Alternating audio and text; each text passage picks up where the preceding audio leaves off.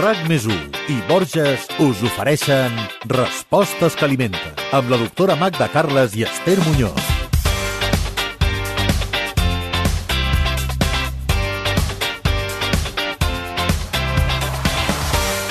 Esmorzar bé és important, importantíssim. Ens ho han dit moltíssimes vegades i ara que tenim més temps, doncs pot ser un bon moment per fer-ho correctament. Quins aliments ha d'incloure un bon esmorzar? És tan dolent prendre el croissant de sempre? És veritat que és millor no prendre suc de fruites? I si no tenim gana a l'hora d'esmorzar, què fem? Són, per exemple, aconsellables els làctics i els nens? Què els donem? Aquestes i altres preguntes són les que es respondran en aquest 67è podcast de Respostes que alimenten. Segur que hi trobareu bones idees per a aquest primer apat del dia. Magda Carles, com estàs? Molt bé. Tu esmorzes bé? Sí, sí, és les àpats que a mi m'agraden més. Que tinc gana jo al matí.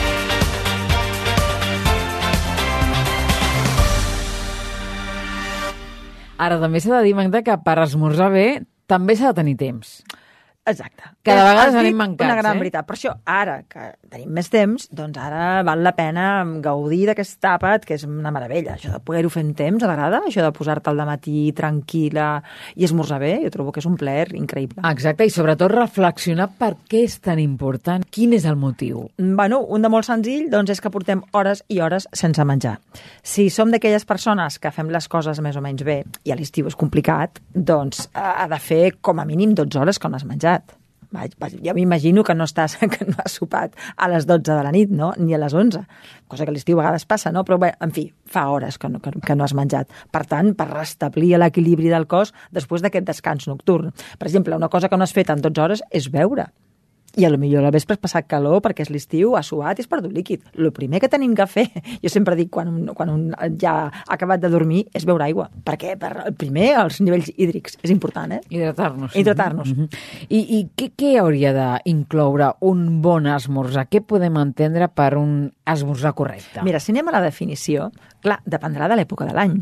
Ara, per exemple, aquest esmorzar ens ha de donar energia, potser per anar a la platja, potser per fer una excursió, però a altres èpoques de l'any ens ha de donar energia per estar al despatx o davant de l'ordinador. Vull dir que els esmorzars han d'anar variant la composició segons què fem després. Això el primer. I, evidentment, també serà diferent si parlem d'un senyor de 50 o d'un nen de 14.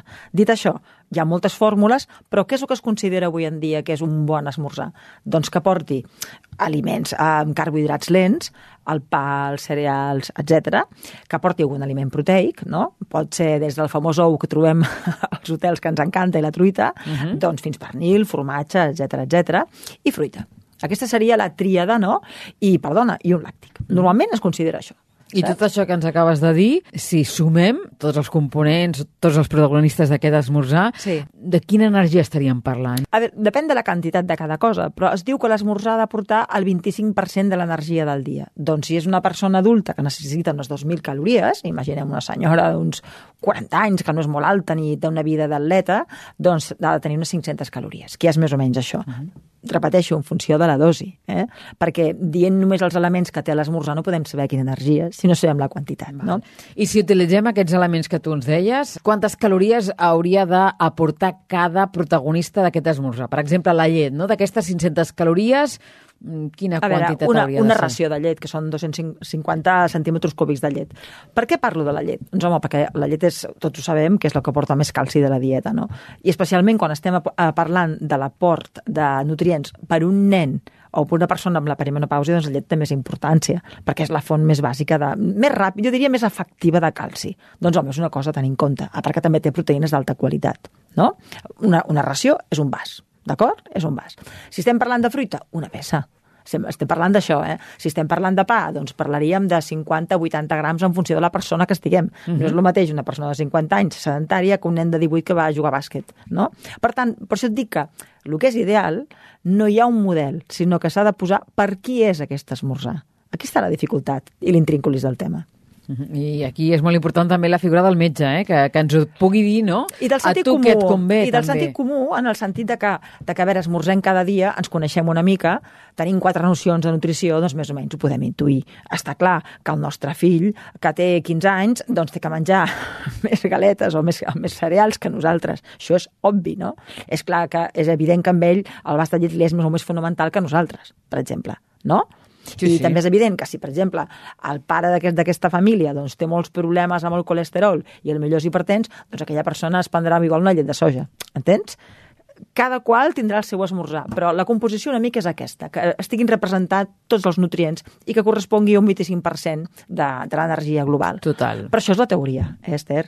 Això no vol dir que fora d'aquí ja estem esmorzant malament. Vol dir que això és el desitjable, el que es considera desitjable. Òptim. Òptim, Òptim. sí, exacte.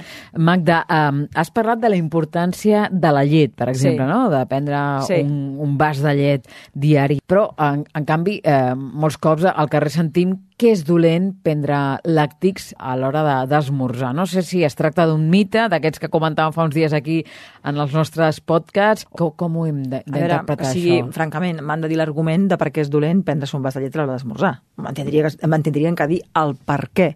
En tot cas, per una persona sana, un vas de llet que porta els seus mil·ligrams de calci, etc etc, jo, jo no trobo que sigui dolent, sincerament. Sincerament, si parlem d'una persona amb una patologia, amb una al·lèrgia, amb una intolerància, etc, que no és l'única opció, evidentment que no. Pot ser llet de vaca, pot ser llet vegetal, i poden ser altres coses, només faltaria. Però ho dic com a prototipus d'esmorzar que arriba a la majoria de gent, no? Mhm. Ens has parlat també de la fruita imprescindible, Sí. eh, si pot ser a, a l'esmorzar. Mm, és bona amb suc? És millor sencera? Sempre sencera, Esther, sempre sencera perquè amb suc ens, primer ens perdem moltíssimes coses, ens perdem la, la polpa que queda a la màquina de fer el suc i el segon és que tota, tota la fructosa i la, i la glucosa que hi hagi en aquell suc doncs ho absorbim molt més ràpid. Val? Que tampoc passa res, en principi, per un vas de suc de, de fruites. Ara, si jo sóc diabètic, doncs m'estimo més la fruita entera. Ah, est- Estem sent molt puristes, eh? O sigui, un, un vas de suc de taronja l'hem pres tota la vida. Que és millor la fruita entera? I tant que sí, és millor que jo em prengui la fruita entera, però vol dir que aquell suc de taronja, aquell clàssic vas de suc de taronja natural, ens ha d'anar malament? Ni molt menys. Però estem parlant de dir què és l'ideal, no? Doncs pues la fruita entera. Mhm. I fruita del temps, sobretot, no sempre ha de ser un suc de taronja, eh? Fantàstic. Anem amb els dolços, no? Ah, aquí Em, està, aquí els, Els, els que som, eh, que ens agrada el dolç, Sí. en podem prendre, per exemple, un tipus croissant, eh, unes galetes que tu les citaves ara, això està permès, això té masses calories... Mm, Com ho veus tu? Permès, està super permès. Una altra cosa que em vagi bé, però permès sí que està. A veure, jo soc, jo soc partidària... Estem lo de sempre. Com sóc jo, quina salut tinc. Si jo tinc un pes que està bé i no tinc cap problema cardiovascular i tal, i jo sóc una fan del croissant, i em compro un croissant de qualitat, i a mi em fa una il·lusió de bojos prendre'm cada dia un croissant i, estic bé, pues jo em Endavant, el, pues jo em el endavant. croissant, perquè no estem, a veure, no, no estem aquí amb, una, amb un test permanent de salut, d'acord? Ara bé, si jo tinc problemes de salut, si jo eh, tinc el colesterol elevat o mm, em tinc que primar, doncs home, mm, no, el croissant no és el més adient. Jo, jo en, pa- parlar en general, jo diria que els dolços s'han de reservar per dies especials. També s'ha de dir, Esther, que hi ha dolços i dolços. No és el mateix aquella coca que tu et fas o aquella magdalena que et fas a casa que la que compres a segons quin lloc. Però jo, jo vull fugir dels talibanismes, perquè és que al final tots són obligacions. A mi si em pregunten, què és el més sa? Home, clar, mira, un pa integral, uns cereals de fibra... Però a l'hora de la veritat, el menjar no és només nutrients. És nutrients, sensacions, il·lusions i plaer. I tenim que fer el pack de tot jo repeteixo, si aquest croissant famós és el teu moment al matí, doncs jo em prenc el croissant. Estic parlant d'un croissant de, de mesures normals, eh? No, no, no, Potser no a diari, no, però vull dir que cada, és, és el que dèiem també parlant de les begudes alcohòliques. No? S'ha de valorar molt quina importància té allò per tu, pel teu equilibri psicològic i pel teu plaer quotidià, perquè al final la vida està feta d'aquestes coses. Si per mi menjar aquell dolç al matí, perquè ho faig amb les amigues, perquè és el teu moment, perquè és l'únic mm, eh, moment del dia que estic tranquil·la, eh? abans d'entrar a la feina, allò és important per tu. Doncs potser la resta del dia puc menjar la mar de bé i no per això estaré menjant malament. S'ha de valorar molt quan es, quan es suprimeixen coses a les persones. S'ha de veure no només quins nutrients porta, sinó quina importància té i quin valor té per ella. Magda, um, quan parlem del sopar o del dinar sí que intentem doncs, variar, que, que aquests Mhm. àpats eh, siguin diferents d'un Sí. dia per l'altre. Sí. Uh, quan esmorzem, això ja... molts veritat, cops som més no va- fixes, som no més fixes, aconseguim, repetim bastant, Repetim no? molt, repetim Em, molt. Hauríem de variar, com fem Sí. al migdia i a la sí, nit? Sí, perquè la variació va bé. La variació va bé perquè, escolta'm, un dia un pa de llavors, un altre dia dono cereals amb, amb, amb, amb fibra, un altre dia fins i tot una coca casolana. Va bé variar, perquè ens dona nutrients diferents, saps? O sigui, un dia hi poso una fruita del temps, un altre dia hi poso una macedònia, un altre dia hi poso un suc. Va bé, perquè així anem variant i també se'ns fa molt més agradable. És que jo insisteixo, el factor del plaer i de la gastronomia és important quan menges saps? També és salut, això.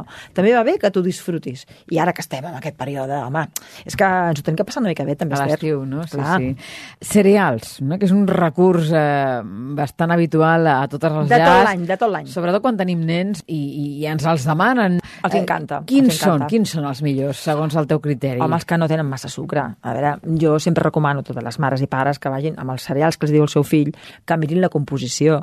Quan aquests cereals tenen més de 20 grams cada 100 grams, home, eh, 20 grams de sucre, vull dir, fora, és molt de sucre. Pensem que posen la dosi és 30 grams. Molts nens, quan ja són adolescents, en prenen molt més de 30 grams. I, esclar, ja és començar el dia amb una dosi de sucre exagerada, saps? S'han de comprar uns bons cereals. Els cereals no són ni bons ni dolents, és depèn del cereal. Que tinguin uh, vitamines, que estiguin, que estiguin enriquits, que tinguin fibra i que portin una dosi discreta de sucre. No et diré sense sucre, perquè també és exagerat, però una dosi discreta de sucre, clar que sí. Anem amb altres opcions. Eh, Per exemple, a cada cop veig més persones que prenen el bocat al matí, humus per esmorzar. Això és una moda? És una bona idea? Em sembla fantàstic. És una manera de- de- d'ampliar les nostres possibilitats gastronòmiques amb una fruita que és greixosa i molt saludable, rica en vitamina E i greixos monoinsaturats. Em sembla fenomenal. I escolta, i ojalà a la meva filla li agradés la torrada amb el bocat, que no és el cas. Que no és el cas.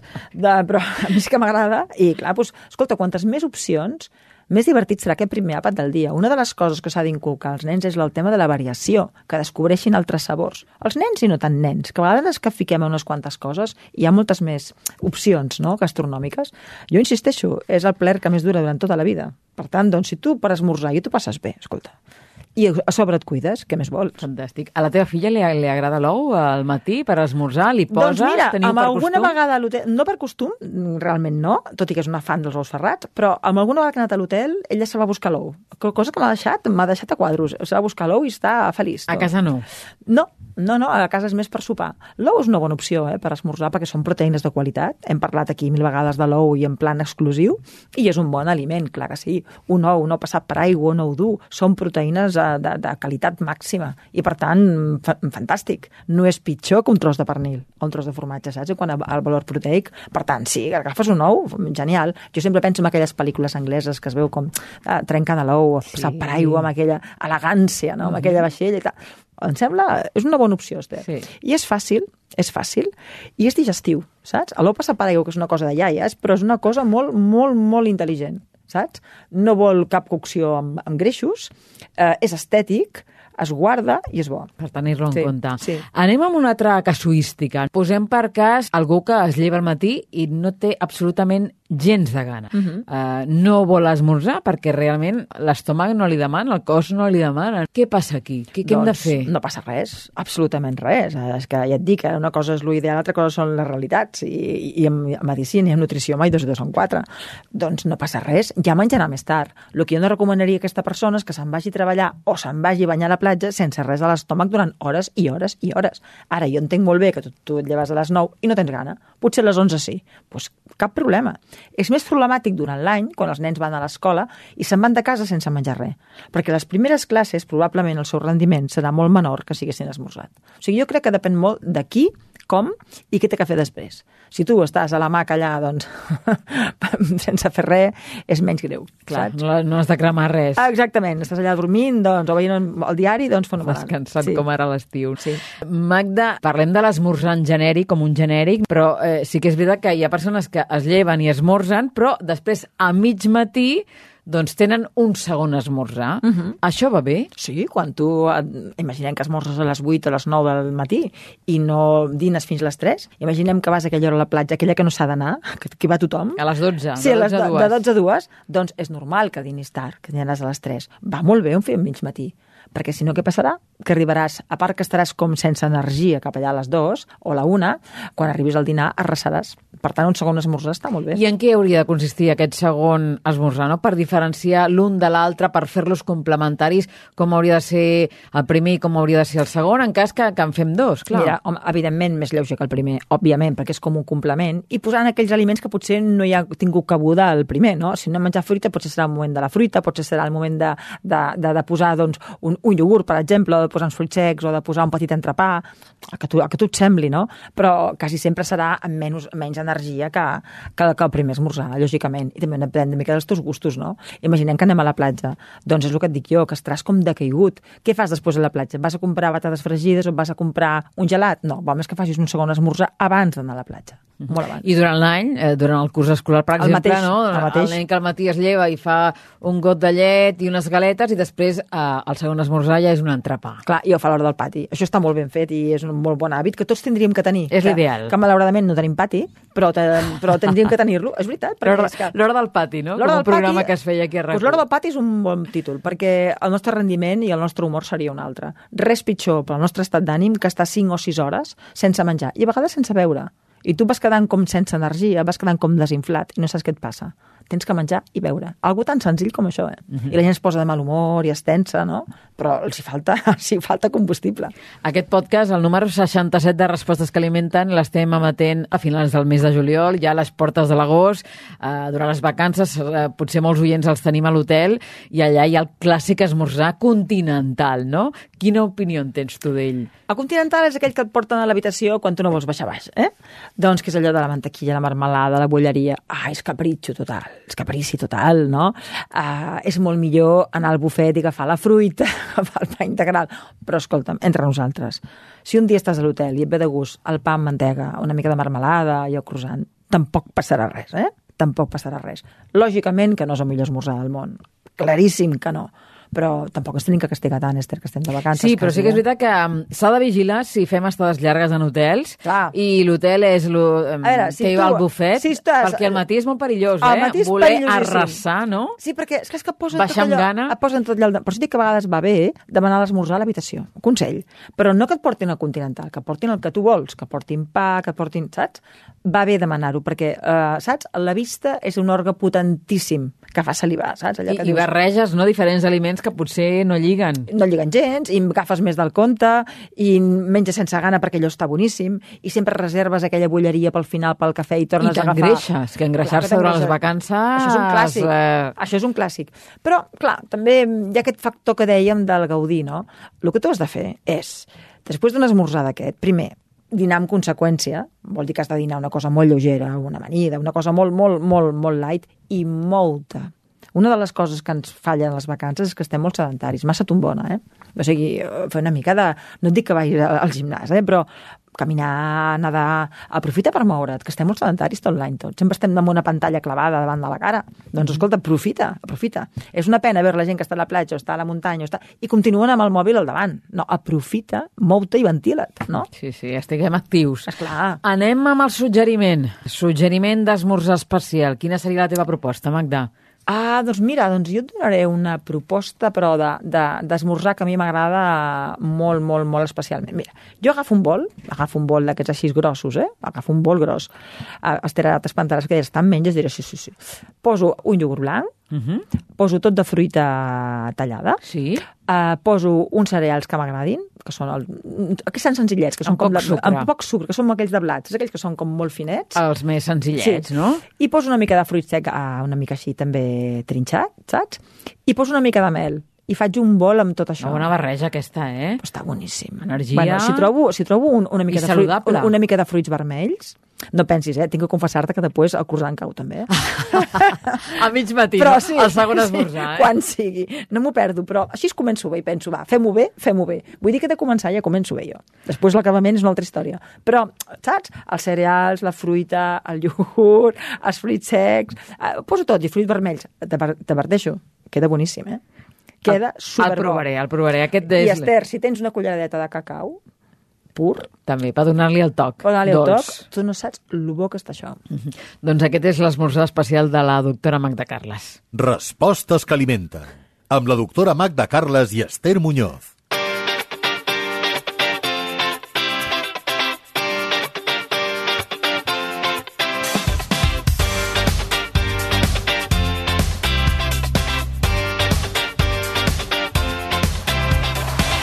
Hem dit que cada casa és un món, cada persona és diferent, però si haguéssim de parlar en genèric, Magda, què respondríem a la pregunta en què consisteix un bon esmorzar? Doncs mira, és un àpat que té que cobrir més o menys el 25% de la teva energia diària, que té que estar d'acord amb la teva edat, el que faràs després d'esmorzar, en quina època de l'any estàs, la teva salut i el teu pes, que no són poques coses, que en general té que contenir doncs, fruita, eh, un aliment proteic, un carbohidrat tipus cereals, pa i un làctic en plan general, val?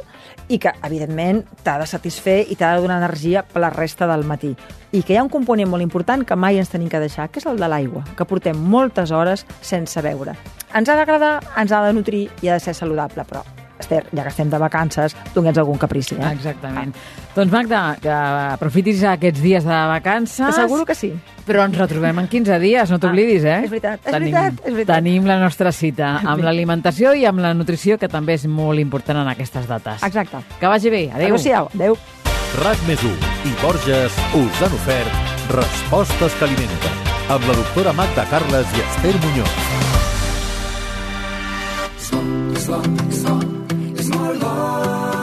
Cuidar-se és el més important.